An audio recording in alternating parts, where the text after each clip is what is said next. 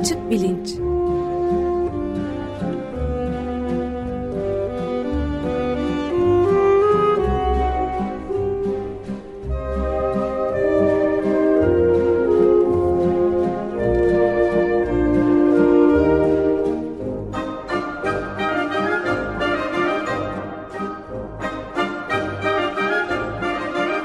Güven Güzeldere ile bilim ve felsefe sohbetleri. Günaydın Güven Bey, merhabalar. Günaydın Ömer Bey. Günaydın. Günaydın Bugün- Özde. Bugün konuğumuz yok herhalde Ee, ve şimdi e, nelerden bahsedeceksiniz? Onları bize anlatır mısınız? Ben birkaç program boyunca hayvanlarla insanların ilişkisi hakkında bir şeyler anlatmak istiyorum. Ee, bu da o serinin ilk e, programı olsun. Ee, hayvanlar niçin önemli? Yani şöyle denilebilir. Ya biz insanların bin türlü derdi var zaten. İşte hayvanların zihni var mı yok mu, hakları var mı yok mu, bu konu niye önemli olsun e, diye düşünenler olabilir. Ben tam tersini düşünüyorum. Hayvanlar üzerine düşünmenin insanlar üzerine düşünme konusunda da aslında faydalı olduğu kanısındayım. Ama bir tek bundan değil. Hayvanların, e, her hayvanın kendine özgü pek çok marifeti var. E, bunlara e, saygı göstermemiz gerektiği kanaatindeyim. Gerçi şöyle bir görüş var. E, işte hayvanlar bilerek yapmıyorlar. Yani şimdi mesela bir örümceğin ördüğü ağ e, benim diyen zanaatkar insanın becerebileceği bir şey değil. Ama örümcek bunu işte bilerek yapmıyor. Yani doğası öyle filan. Dolayısıyla orada e, hayran olunacak şey örümcek değil. Belki mesela örümceği öyle yaratan e, daha büyük bir güç işte e, falan böyle düşünenler de var. Genellikle e, hayvanlar bence hak ettikleri primi almıyorlar burada. Halbuki hayvanların hakkını teslim etmemiz gerektiği kanaatindeyim. E, 17. yüzyıldan sonra yaygınlaşmış işte hayvanlar basit birer makinedir görüşü var. René Descartes'in ortaya attığı ve sonradan çok etkili olan. E, bundan da gelecek hafta bahsedeceğim. Fakat genel olarak şunu söylemek istiyorum. Hayvanlar konusu her zaman düşünce tarihine baktığımız zaman özellikle büyük anlatıların, her şeyi kapsama iddiasında olan anlatıların hep başına dert açmış. Ee, mesela kutsal kitaplarda hep hayvanlarla ilgili menkıbeler, işte e, bir takım hikayeler falan var. Fakat Hristiyanlığın en zorlandığı, en büyük skandallarından bir kısmı hayvanlarla ilgili buluşlar sonucunda ortaya çıkmış. Bundan gelecek hafta bahsedeyim istiyorum.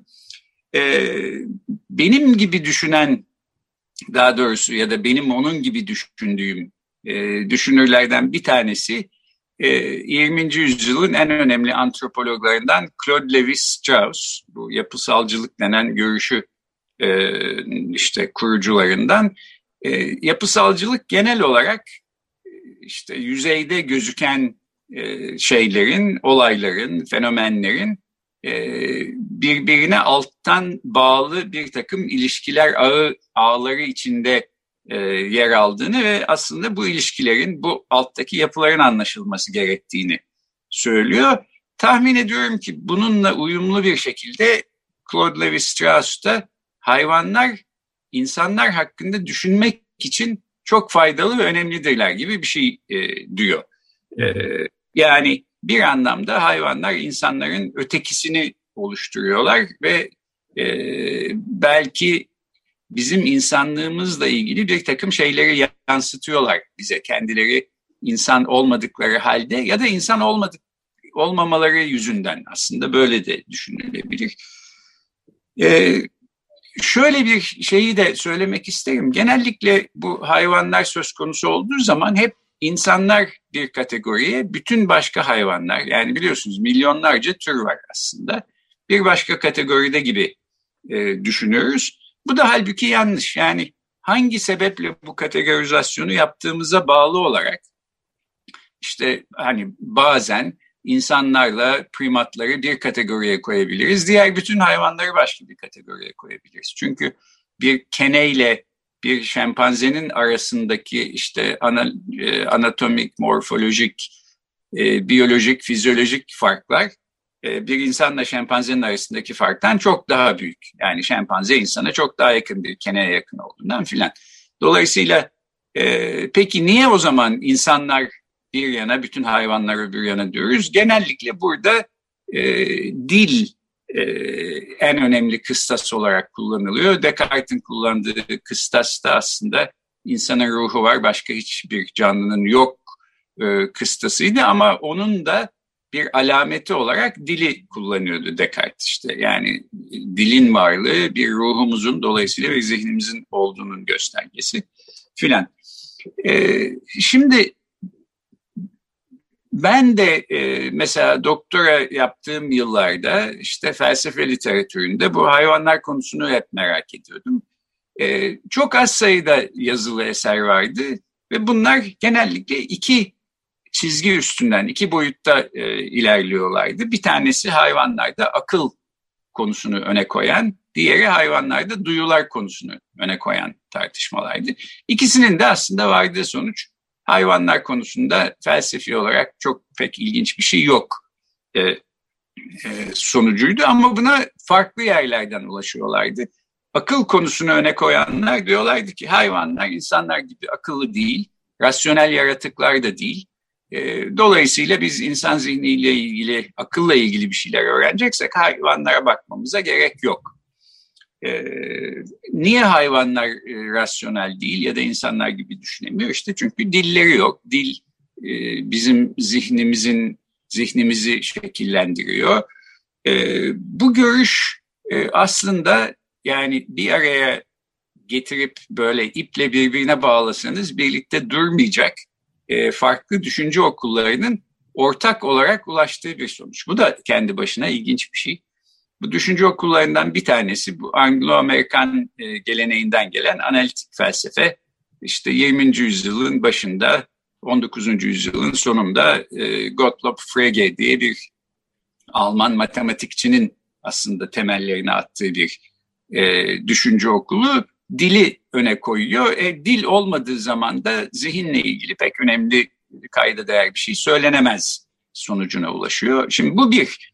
E, bunun yanında Chomsky'nin dil bilim e, okulu var, dil bilim anlayışı var. Chomsky de bu konularda son derece kartezyen bir görüşe sahip. E, benim çok tutucu bulduğum bir görüşe sahip. Buna da şaşırıyorum bir yandan çünkü siyasi görüşleri itibariyle çok ilerici bir e, düşünür. E, Chomsky de diyor ki insan dili bir istisnadır. Başka canlılarda insan dili gibi e, bir dil yoktur. İşte en fazla bir takım iletişim sistemleri var hayvanların ama onları anlamak aslında bize dille ilgili pek bir şey söylemiyor. Yani burada bir evrimsel tarih açısından bir süreklilikten bahsetmiyoruz. Tam tersine büyük bir uçurumdan bahsediyoruz. Yani insanlar bir kategoride, dilleri olduğu için işte bütün hayvanlar öbür kategoride. Hatta şöyle bir benzetmesi var e, sürekli yaptığı Chomsky'nin. Diyor ki biz şimdi mesela e, kuş kuşların nasıl uçtuğunu anlamak için işte bir insanın nasıl zıpladığını e, anlamaya çalışmıyoruz. Yani bir insanın zıp, nasıl zıpladığını ya da bunun mekaniğini anlamak bize kuşların nasıl uçtuğu hakkında bir şey söylemiyor. Benzer bir şekilde işte mesela maymunların birbirleriyle nasıl iletişim kurdukları ya da kuşların kuş şarkılarıyla birbirlerine nasıl sinyaller gönderdiklerini çalışmakta insan dili hakkında aslında bize hemen hiçbir şey söylemeyecektir. Analitik felsefe bir yandan, Chomsky'ci dil bilim bir yandan, bir de buna ben üçüncü olarak e, psikanaliz genele, geleneğini ekleyeyim. Özellikle e, Fransız düşünür e, Jacques Lacan'ın başını çektiği bir anlayış var. Bu da e, insanın benliğinin oluşmasında, özne haline gelmesinde dili merkeze koyuyor ve dili çıkarttığınız zaman o düşünce okulundan ortada pek bir şey söylenecek pek bir şey kalmıyor. Dolayısıyla hayvanlar hakkında da söylenecek ya da hayvanları çalışılarak edinilecek e, pek bir öngörü yok diye düşünülüyor.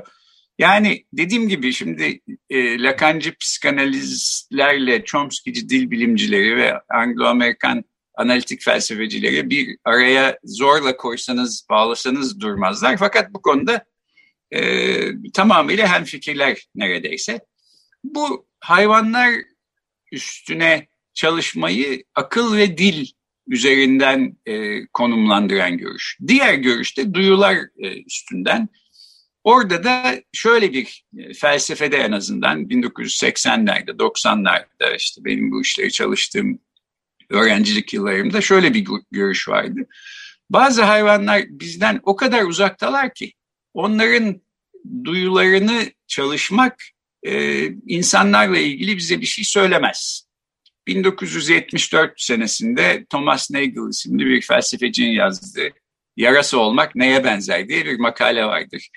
E, neredeyse 50 sene olmuş. Son 50 senede tahmin ediyorum en çok atıf almış felsefe makalesi olabilir. Evet. E, orada diyor ki Nagel, işte mesela yarasaları düşünün. Böyle e, bir takım sonar sistemleriyle karanlıkta, mağaraların içinde çok hızlı hareket eden küçücük böcekleri, sinekleri yakalayabiliyorlar. Ee, yarası olmak acaba nasıl bir şey olsa gerek?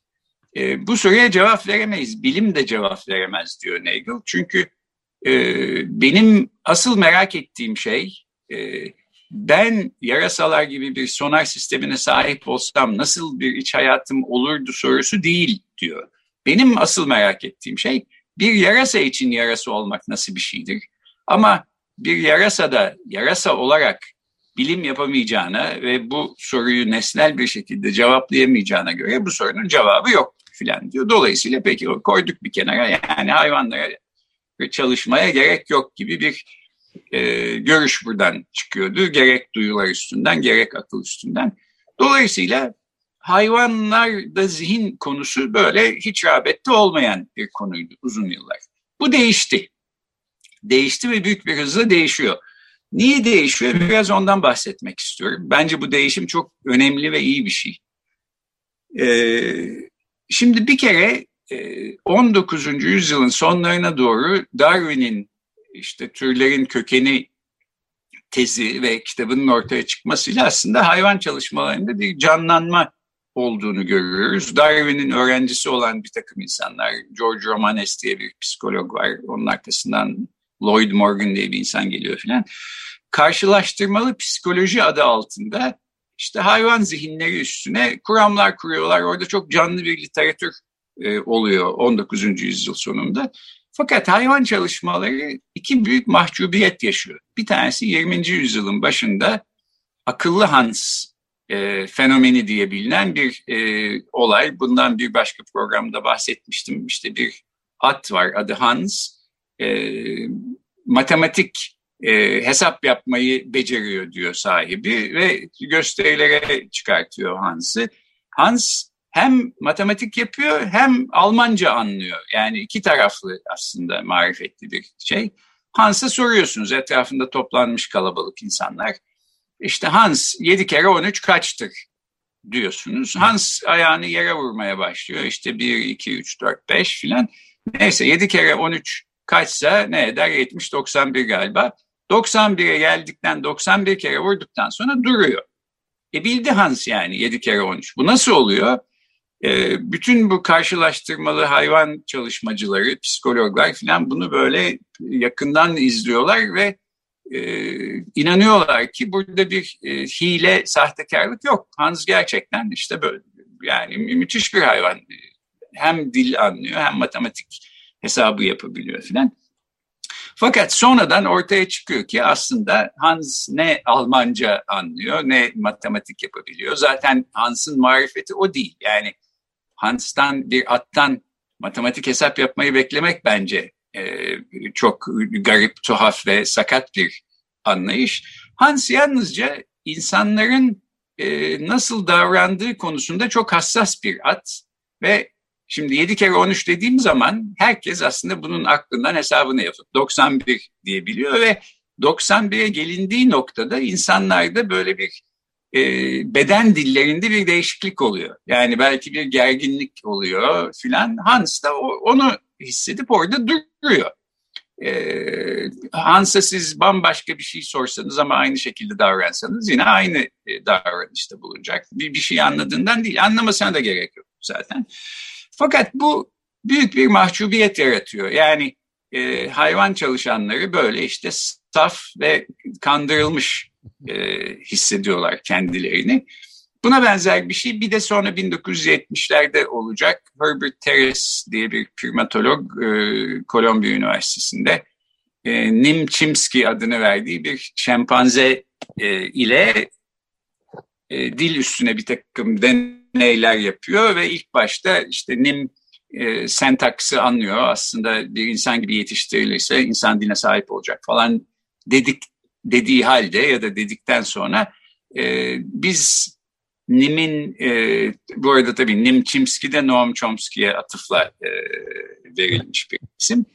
E, biz yanlış e, yorumlamışız Nim'in davranışlarını. Aslında Nim hiçbir şeyden anlamıyor diyor ve bu da ikinci bir büyük mahcubiyet. Yani bu aslında tabii Herbert Terrace'ın mahcubiyeti ama sanki bütün e, hayvan çalışmaları, karşılaştırmalı psikoloji bundan etkilenmiş gibi oluyor ve e, bu araştırmalara verilen fonlar kesiliyor filan böyle orada çok e, bir dönem e, yaşanıyor. Bunlar 1980'lere 90'lara gelene kadar.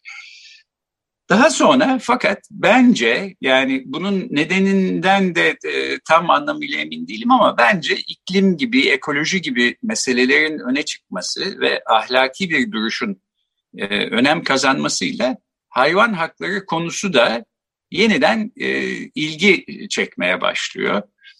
E, mesela e, 2012'de Cambridge Üniversitesi'ndeki bir konferansta konferansa katılan bilim insanları e, Cambridge bilinç beyanı, beyanatı ya da deklarasyonu diye bir metine imza atıyorlar. Diyorlar ki o metinde hayvanların insanlar gibi bir sinir sistemine sahip olmamaları, mesela bir e, neokorteks bölgesinin olmaması bazı hayvanlarda onlarda bilinç olmadığını göstermez. Bilinci pek çok farklı sinir sistemi yapısı ortaya çıkartabilir.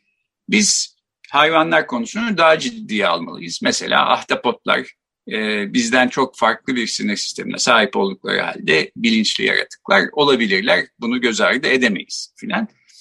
E, hatta bu son 10-15 senede e, veganlık ve vejeteryanlığın da öne çıkmasıyla birlikte hayvan haklarına duyulan ilginin artmasına e, bir isim veriliyor literatürde bugünlerde. E, İngilizce the animal turn deniyor buna. Hayvanlar dönemeci ya da hayvanlar dönemi. Başka bir devre başlamış vaziyette yani. Hayvanlar konusunda ilgi çok artmış durumda. Eh, analitik felsefeye baktığımızda orada analitik felsefenin bu dille olan takıntısından bir bıkkınlık aslında ben görüyorum. Chomsky'ci dil bilim anlayışında pek çok zorluk var. Her ne kadar önde gelen halen e, dil bilim e, okulu olsa da Lacancı psikanalist anlayış 1970'lerden sonra büyük e, eleştiriler altında kalıyor. İşte en başta kendi ülkedaşı e, Gilles Deleuze isimli e, felsefecinin eleştirileri karşısında filan. Dolayısıyla bu hayvan karşıtlığı giderek e, azalırken, gücünü kaybederken hayvanlara ilgi artıyor. E, dediğim gibi bu bence iyi bir şey. Çünkü hayvanlar hem bize yoldaşlık eden, hayatımızı zenginleştiren, bize kendimiz hakkında bir şeyler öğretebilecek olan canlılar. Yani hiç hayvanların olmadığı, yalnız insanların yaşadığı bir dünya bence çok renksiz ve yoksul bir dünya olurdu. Hem de Claude Lévi-Strauss'un dediği gibi hayvanlar üzerine düşünmek aslında insanlar üzerine de düşünmek konusunda bize ilginç şeyler söylüyor. Evet, ben de bu noktada bir ufak ilavede bulunayım izninizle. Yani Tabii. bu e, Chomsky e, konusunda, Chomsky felsefesi, düşüncesi konusunda kendimin de çok e, ciddi şekilde zorluğa düştüğüm, bir çelişkiye düştüğüm bir şey. Çünkü ben de hem bir vegan olarak hem de Chomsky'nin siyaset felsefesi üzerine ve aktivizmi üzerine çok derinlemesine etkilenmiş ve ondan yararlanan biri olarak bu çelişkiyi yaşıyordum. Üstelik de arttı yani bu sizinle daha önce de konuştuğumuz işte e, benim e, Ahtapot öğretmenim gibi filmler evet. hatta galiba son olarak Nobel e, şey Oscar ödülünü Dün evet. Evet Oscar şeyine de katıldı.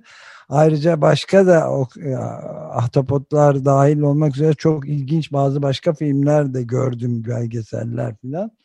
Çok net olarak ortaya çıkıyor hayvanların muazzam duyarlı olduğu ve haberleşmede çok yetenekli ve gelişkin yani insanların tahmin edemeyeceği kadar ileri iletişim yeteneklerine sahip oldukları. İkincisi de bir de şimdi bunlar yetmiyormuş gibi bitkiler üzerine Suzanne Simard diye birisi yanılmıyorsam bir araştırmacı National Geographic'te çok yepyeni bir şey ortaya attı ve çok ayrıntılı araştırmalar ortaya koydu.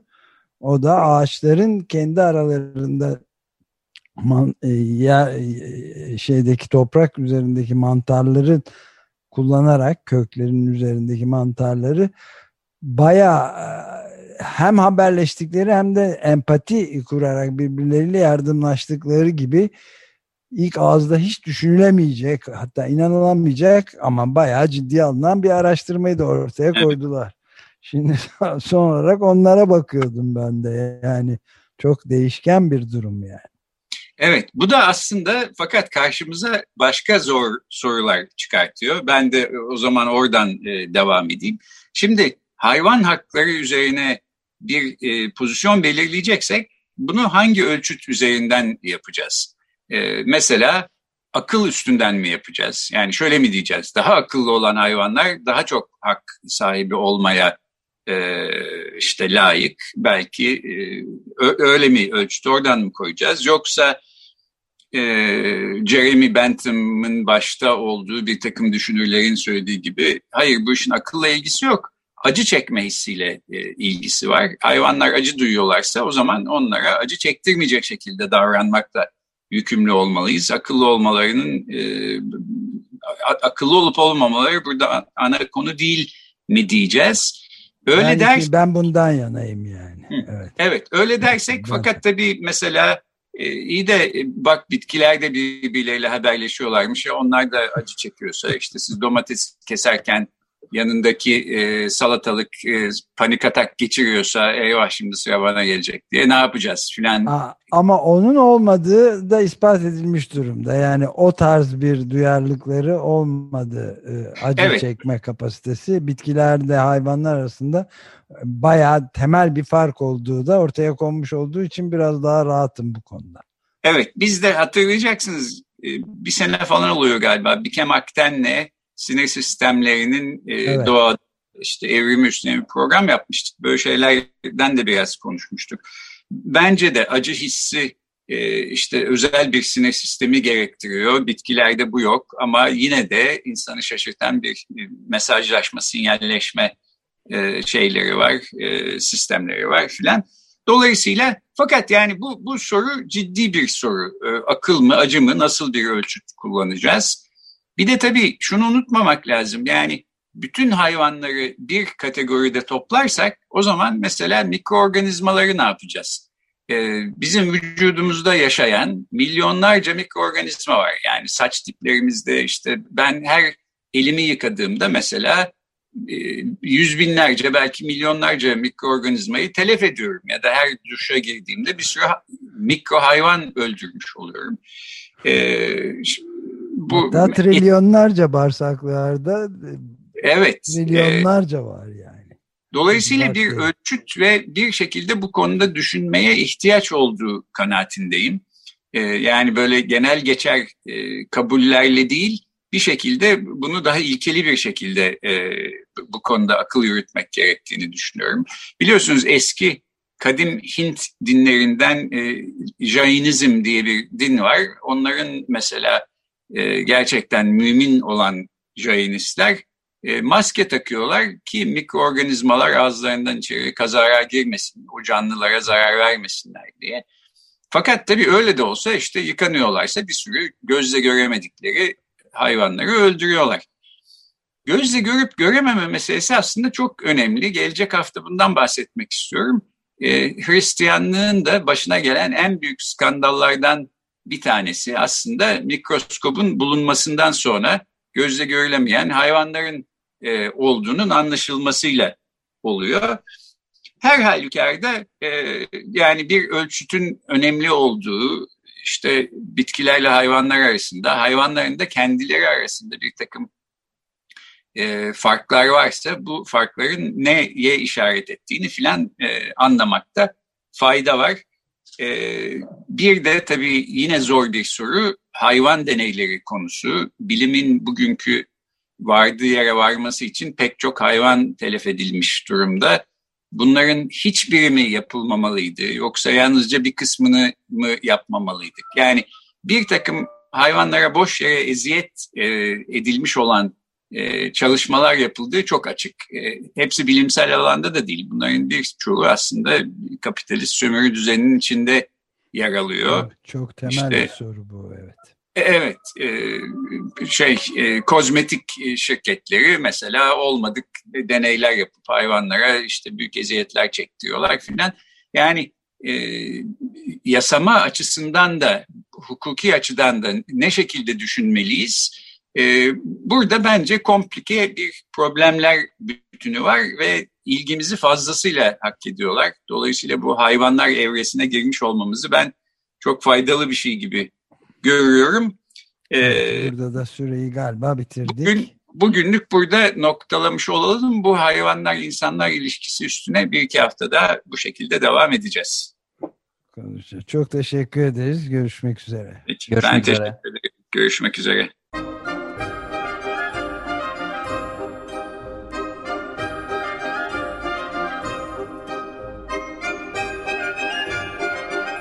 Açık Bilinç